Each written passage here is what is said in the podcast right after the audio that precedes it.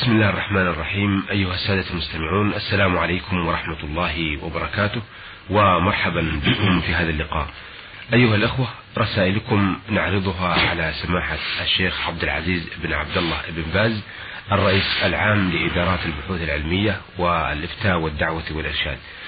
أه سماحة الشيخ في أول هذه الرسائل أه رسالة وردت يقول فيها صاحبها أقرضت شخصا عشرة آلاف ريال وحال عليها الحول عنده وأخرج هو زكاتها برضا منه ومن جيبه الخاص من غير شرط بيني وبينه وأخبرني بذلك ورضيته فهل تبرئ ذمتي بهذا الإخراج؟ بسم الله الرحمن الرحيم. الحمد لله والصلاة والسلام على رسول الله وعلى آله وأصحابه ومن اهتدى بهداه أما بعد فإخراج الزكاة عبادة وقربة تحتاج إلى نية من المخرج. فإذا أخرج الإنسان عن آخر زكاة ماله سواء كان ذلك المال قرضا أو أمانة أو غير ذلك فإن في صحة الإخراج خلافا بين العلماء. مبنيا على التصرف الفضولي وهو تصرف الإنسان في مال غيره بغير إذنه. نعم. فمن أهل العلم من قال إن ذلك يجزي إذا أجازه المالك والمسؤول ومنهم من قال لا يجزي بل لا بد من نية مصاحبة للإخراج في مثل هذا. نعم. فالأظهر عند جمع من أهل العلم أنه لا يجزي لأنه أخرجه من دون أن يشاور صاحب الزكاة ومن دون أن يأخذ إذنه في ذلك بل أخرجه تبرعا من دون إذن. فالأحوط لهذا المخرج عنه أن يزكي وأن لا يكتفي بهذه الزكاة. وإن اكتفى بها أجزأت عند جمع من أهل العلم لأنه أجازها نعم. وهو هنا يقول وأخرج الزكاة برضا مني. هذا يعني برضا منه هو من المخرج. ولكنه رضي فيما بعد. كان رضا يعني جديد نعم سابق هو رضا جديد وإذن نعم. جديد. أحسنت. أما ذاك فقد أخذ المال من, من دون استئذان كأنه قد رأى أن يمون عليه في هذا الشيء وأن هذا إحسان سوف يوافق عليه.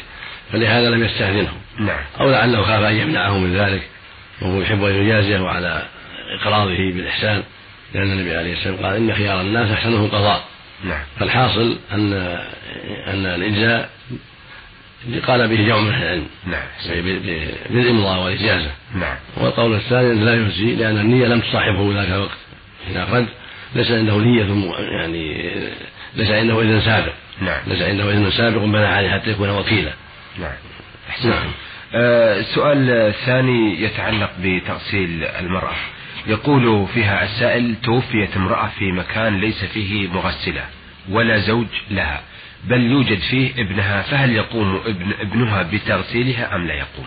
الأرجح أنه لا يقوم بل يتيمم يعني يمنها وليها يعني ابنها يمنها يضرب التراب بيديه ويمسح به بهما وجهها ووجهها وكفيها بنية غسل الجنابة بغسل الموت ويكفي لأن المرأة لا يغسلها إلا أحد شخصين إما امرأة وإما الزوج والسيد الذي تباح له. نعم. أما في هذه الحال إذا يحضرها سوى ابنها أو أخيها أو عمها أو أجنبي فإنها تيمم على الراجح. نعم. يعني يضرب التراب بيديه يمسح بهما وجهها وكفيها بنية وصل التغسيل عن الموت. يعني التيمم هنا يشابه تيمم الصلاة نعم. مثل الصلاة يعني لا يمسح مثلا على بقية جسمه. وجهه وكفيها بس مثل الصلاة مثل الصلاة. أحسنتم. مثل مثل الذي عليه جنابة ولا عنده ماء. نعم. آه هنا سؤال من السائل عين تاسين يقول عقد رجل على امرأة فطلقها قبل أن يدخل بها. فهل تجوز لابنه من بعد طلاقه لها؟ لا إذا طلق رجل امرأة حرمت على جميع ذريته من أولاده وأولاد بنيه وأولاد بناته. ولو لم يدخل. لأنها زوجة أبيهم وإن لم يدخل بهم. نعم. لأن الله ما علق له بالدخول. قال سبحانه ولا تنكحوا ما نكح آباؤكم من النساء إلا ما قد سلف. فحرم نكاح الآباء زوجات الآباء مطلقا والأب يدخل فيه أبو أبوه القريب وجده وأبو أمه وآباء أمه كله كل آبائه نعم. من جهة الأم ومن جهة الأب. نعم. زوجاتهن زوجاتهم محرمة عليه وهو محرم لهم. لذلك كيف ولا تنكحوا ما نكح آباؤكم من هذا يعم المدخول بها وغير المدخول بها. نعم. وهذا محل إجماع عند أهل العلم ليس في خلاف. أحسنتم. عندنا أيضا سؤال لنفس السائل عين تاسين يقول وهكذا العكس وهكذا العكس. الإبن حلال الأبناء يحرم على الآباء مطلقا ولو لم يدخل بها الإبن إذا تزوج رجل امرأة ثم مات عنها قبل الدخول بها أو طلقها قبل الدخول بها حرمت على آبائه وأجداده كلهم. نعم. لأن الله قال وحلائل أبنائكم الذين أصلابكم نعم. ولم يقل إلا التي دخلتم بهن نعم. نعم أحسنتم.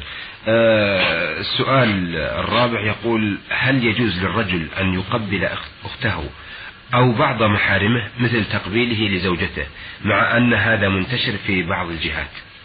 يجوز الإنسان يقبل محارمه من أخته وعمته وخالته هذا لا حرج في ذلك. وثبت أن الصديق رضي الله عنه دخل على زوجة على ابنته عائشة وقد كانت تعاك أصابها بعض الحمى فقبلها مع خدها.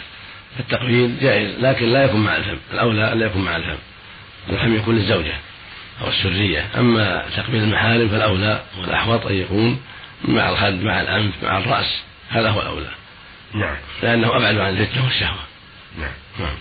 آه هذا السؤال يتعلق في الأكل في نهار رمضان. يقول هناك فلاح عنده عمال من جمهورية مصر العربية لكنهم لا يصلون ولا يصومون وعندما أمرهم بالصلاة والصيام لم يستجيبوا له وطلبوا منه أن يقدم لهم الأكل في نهار رمضان. وإلا سوف يتركون العمل مدعين بأنهم غير مسلمين. وفعلا قدم لهم الأكل في رمضان آه، بأكمله.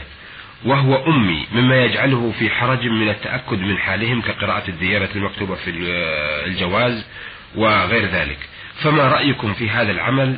راجيا أن ترشدونا ولأمثال هذا. أولا استخدام غير المسلمين للعمل غير مناسب ولا ولا ينبغي استخدامه. نعم. بل ينبغي عدم استخدام غير المسلمين لأن استخدام غير المسلمين قد يضر الإنسان في نفسه وفي عقيدته وفي أخلاقه. قد يضر ذريته وأهل بيته ولا سيما الخادمات والمربيات فإنهن ضررهن عظيم. فالواجب أن لا يستخدم للعمل أو للتربية في البيت والعمل في البيت إلا المسلمات فقط. وهكذا الرجال لا يستخدم إلا المسلمين لا لا غير المسلمين. لأنهم يضرون كثيرا ولأنهم على عقيدة وعلى أخلاق غير عقيدة المسلم وأخلاقه. فالواجب تجنب استخدامهم حذرا من شر التأسي بهم والاختلاط بهم. نعم. أيضا هذه الجزيرة العربية لا يجوز أن يبقى فيها إلا دين واحد لا يبقى فيها دينان. وهؤلاء الخدام والعمال قد يمكثون فيها مدة طويلة بسبب العمل أو الرغبة في عملهم. فلا يجوز استخدام غير المسلمين لهذه الجزيرة العربية لقول النبي صلى الله عليه وسلم أخرجوا اليهود والنصارى من جزيرة العرب. وفي لفظ آخر قال أخرجوا المشركين وأوصى بهذا عند موته عليه الصلاة والسلام. فلا يجوز للمسلم أن يستخدم إلا المسلمين والمسلمات أما غيرهم فلا لهذه الجزيرة. وقد بحث هذا مع الدولة وفقها الله وقررت أن هذا سوف ينفذ إن شاء الله في عدم استخدام غير المسلمين إلا ما تدعو له الضرورة من طبيب أو مهندس تدعو له الضرورة. نعم. لأنها لأن الدولة قدوة للناس. فلهذا بحث أهل العلم مع الدولة وفقها الله في هذا الشيء وقررت أن هذا الشيء إن شاء الله سوف يعني ينتهى منه ولا يستخدم إلا من تدعو له الضرورة فالرعية من باب أولى الرعية من باب أولى ألا تستخدم إلا المسلم والمسلمة فقط نعم. وليس لها أن تستخدم غير المسلمين أبدا نعم. لعظم الضرر في ذلك ولأن هذه الجزيرة مثل ما سمعت سابقا لا ينبغي أن يستخدم لها إلا المسلم. لأن الرسول صلى الله عليه وسلم أمر بإخراج أهل الشرك منها واليهود والنصارى وألا يبقى فيها إلا دين واحد لأنها مهد الإسلام ولأن المسلمين يعلقون بها بعد الله آمالهم ويقتدون بها فإذا استخدمت غير المسلمين صارت مفتاحا للغير في استخدام غير المسلم وفي الأنس به وفي اختلاط به وهذا يضر الجميع جدا. نعم. أه، لكن هو في نفسه حرج من إطعامهم في شهر رمضان ويريد أن يعرف هل هو آثم أو أما تقديم الطعام لهم فلا يجوز تقديم الطعام لهم. نعم. إذا كانوا غير مسلمين وأرادوا تقديم الطعام لهم في رمضان فلا لا يعينهم على هذا الشيء. وإن كانوا كفار لو صاموا ما صح منهم الصوم لكنهم مخاطبون بفروع الشريعة. نعم. فإذا كانوا مخاطبين لم يجوز أن يعانوا على ما يخالف الشريعة. نعم. بل ينصحون ويوجهون لعلهم يسلمون. يدعون إلى الإسلام ويوجهون إلى الخير لعلهم يسلمون فيحصل لهم مثل أجورهم. من دل على خير فله مثل أجر فاعله. لا أن يهدي الله بك رجلا واحدا خير لك من حول. النعم هكذا قال النبي صلى الله عليه وسلم. فإذا أبوا فهم اللي يصنعون لأنفسهم يصنعون طعامهم لأنفسهم. وهم الذين يعني يقومون بما بحاجاتهم في هذا في هذا الباب آه، لعلهم يعني يتأثرون بهذا الشيء فيسلمون وإلا فتلغى عقودهم تلغى عقودهم يأتي الله بأفضل منهم. يعني لا لا يستهل معهم حتى ولو ولو يعني صمموا على ترك العمل الحمد لله يتركون العمل ويأتي الله بخير منهم. إن شاء الله. ولا ينبغي أبدا أن يساعدهم على هذا الشيء. نعم. لا ينبغي يساعدهم على الأكل والشرب في رمضان نعم. سواء كانوا كفارا أو فساقا. نعم. نعم من فساق المسلمين الذين لا يصومون. نعم فلا يساعد على ما حرم الله لا كافرا ولا ولا فاسقا لا يساعدهم. نعم أحسنتم. هنا السؤال يعني في امكانهم يعملون لأنفسهم نعم. يشترون لأنفسهم حاجاتهم يطبخون حاجاتهم نعم. لكنه لا يساعدهم هو بنفسه. نعم, نعم أحسنتم. أه السؤال السابع والأخ يعني الحقيقة شغل جزءا كبيرا من الحلقة لكن لا نريد أن نهمل شيئا من أسئلته. أه يقول استدان رجل من رجل مبلغا من الفرنسي والعربي.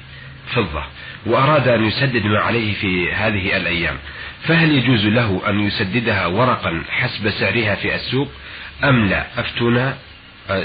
أجركم الله ونريد الإجابة بالتفصيل حول هذه المسألة.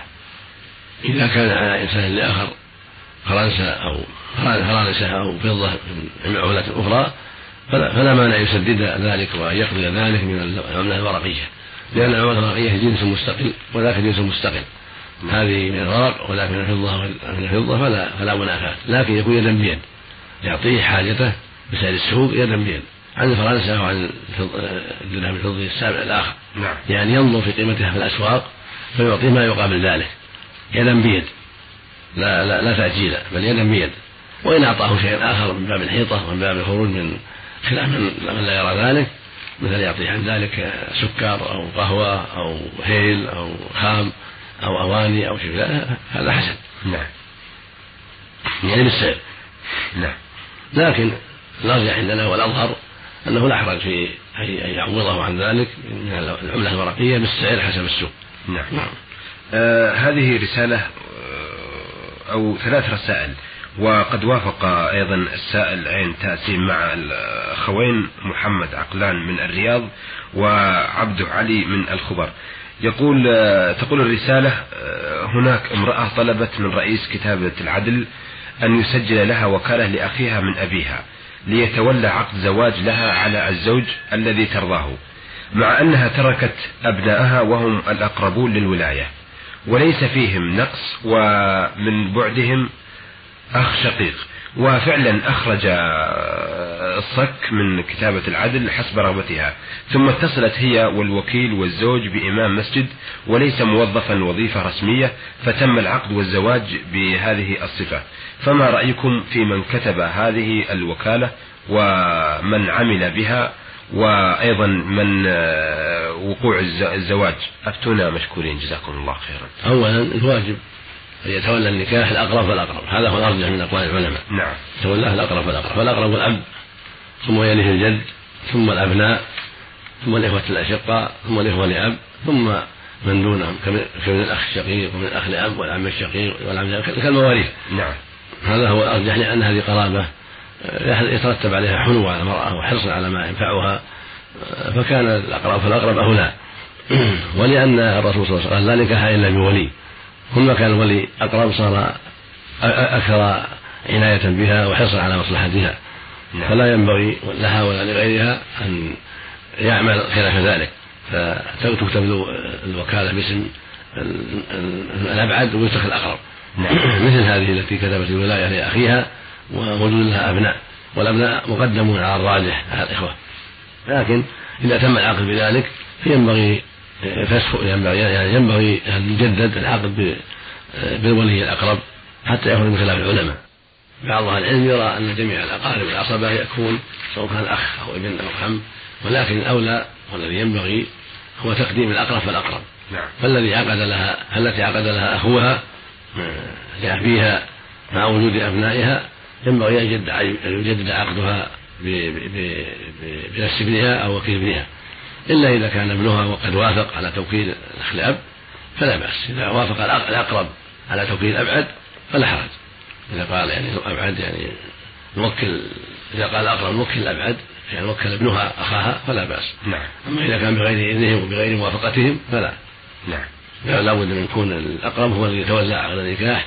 وإذا تم العقد بولاية غير الأقرب ينبغي أن يجدد بولاية الأقرب خروجا من خلاف العلماء واحتياطا للفروج لأن فروج الله عظيم. الفروج لها شأن. نعم, نعم. فينبغي أن يحتاط لها في كل شيء. ومن ذلك أن يكون العقد من الأقرب لا من الأبعد. نعم. إذا تولاه الأبعد ينبغي يجدد من الأقرب حتى تكون المرأة حلا للزوج لا فيه ليس فيه شبهة. نعم. أحسنتم. أيها السادة إلى هنا ونأتي على نهاية هذا اللقاء. الذي عرضنا فيه أسئلتكم على سماحة الشيخ عبد العزيز بن عبد الله بن باز الرئيس العام لإدارات البحوث العلمية والإفتاء والدعوة والإرشاد. وقد عرضنا أسئلة كل من آه، الأخوة عين تاسين والأخ محمد عقلان من الرياض والأخ عبده علي من الخبر. آه، نشكر سماحة الشيخ وإلى أن نلتقي بكم إن شاء الله تعالى. نستودعكم الله والسلام عليكم ورحمة الله.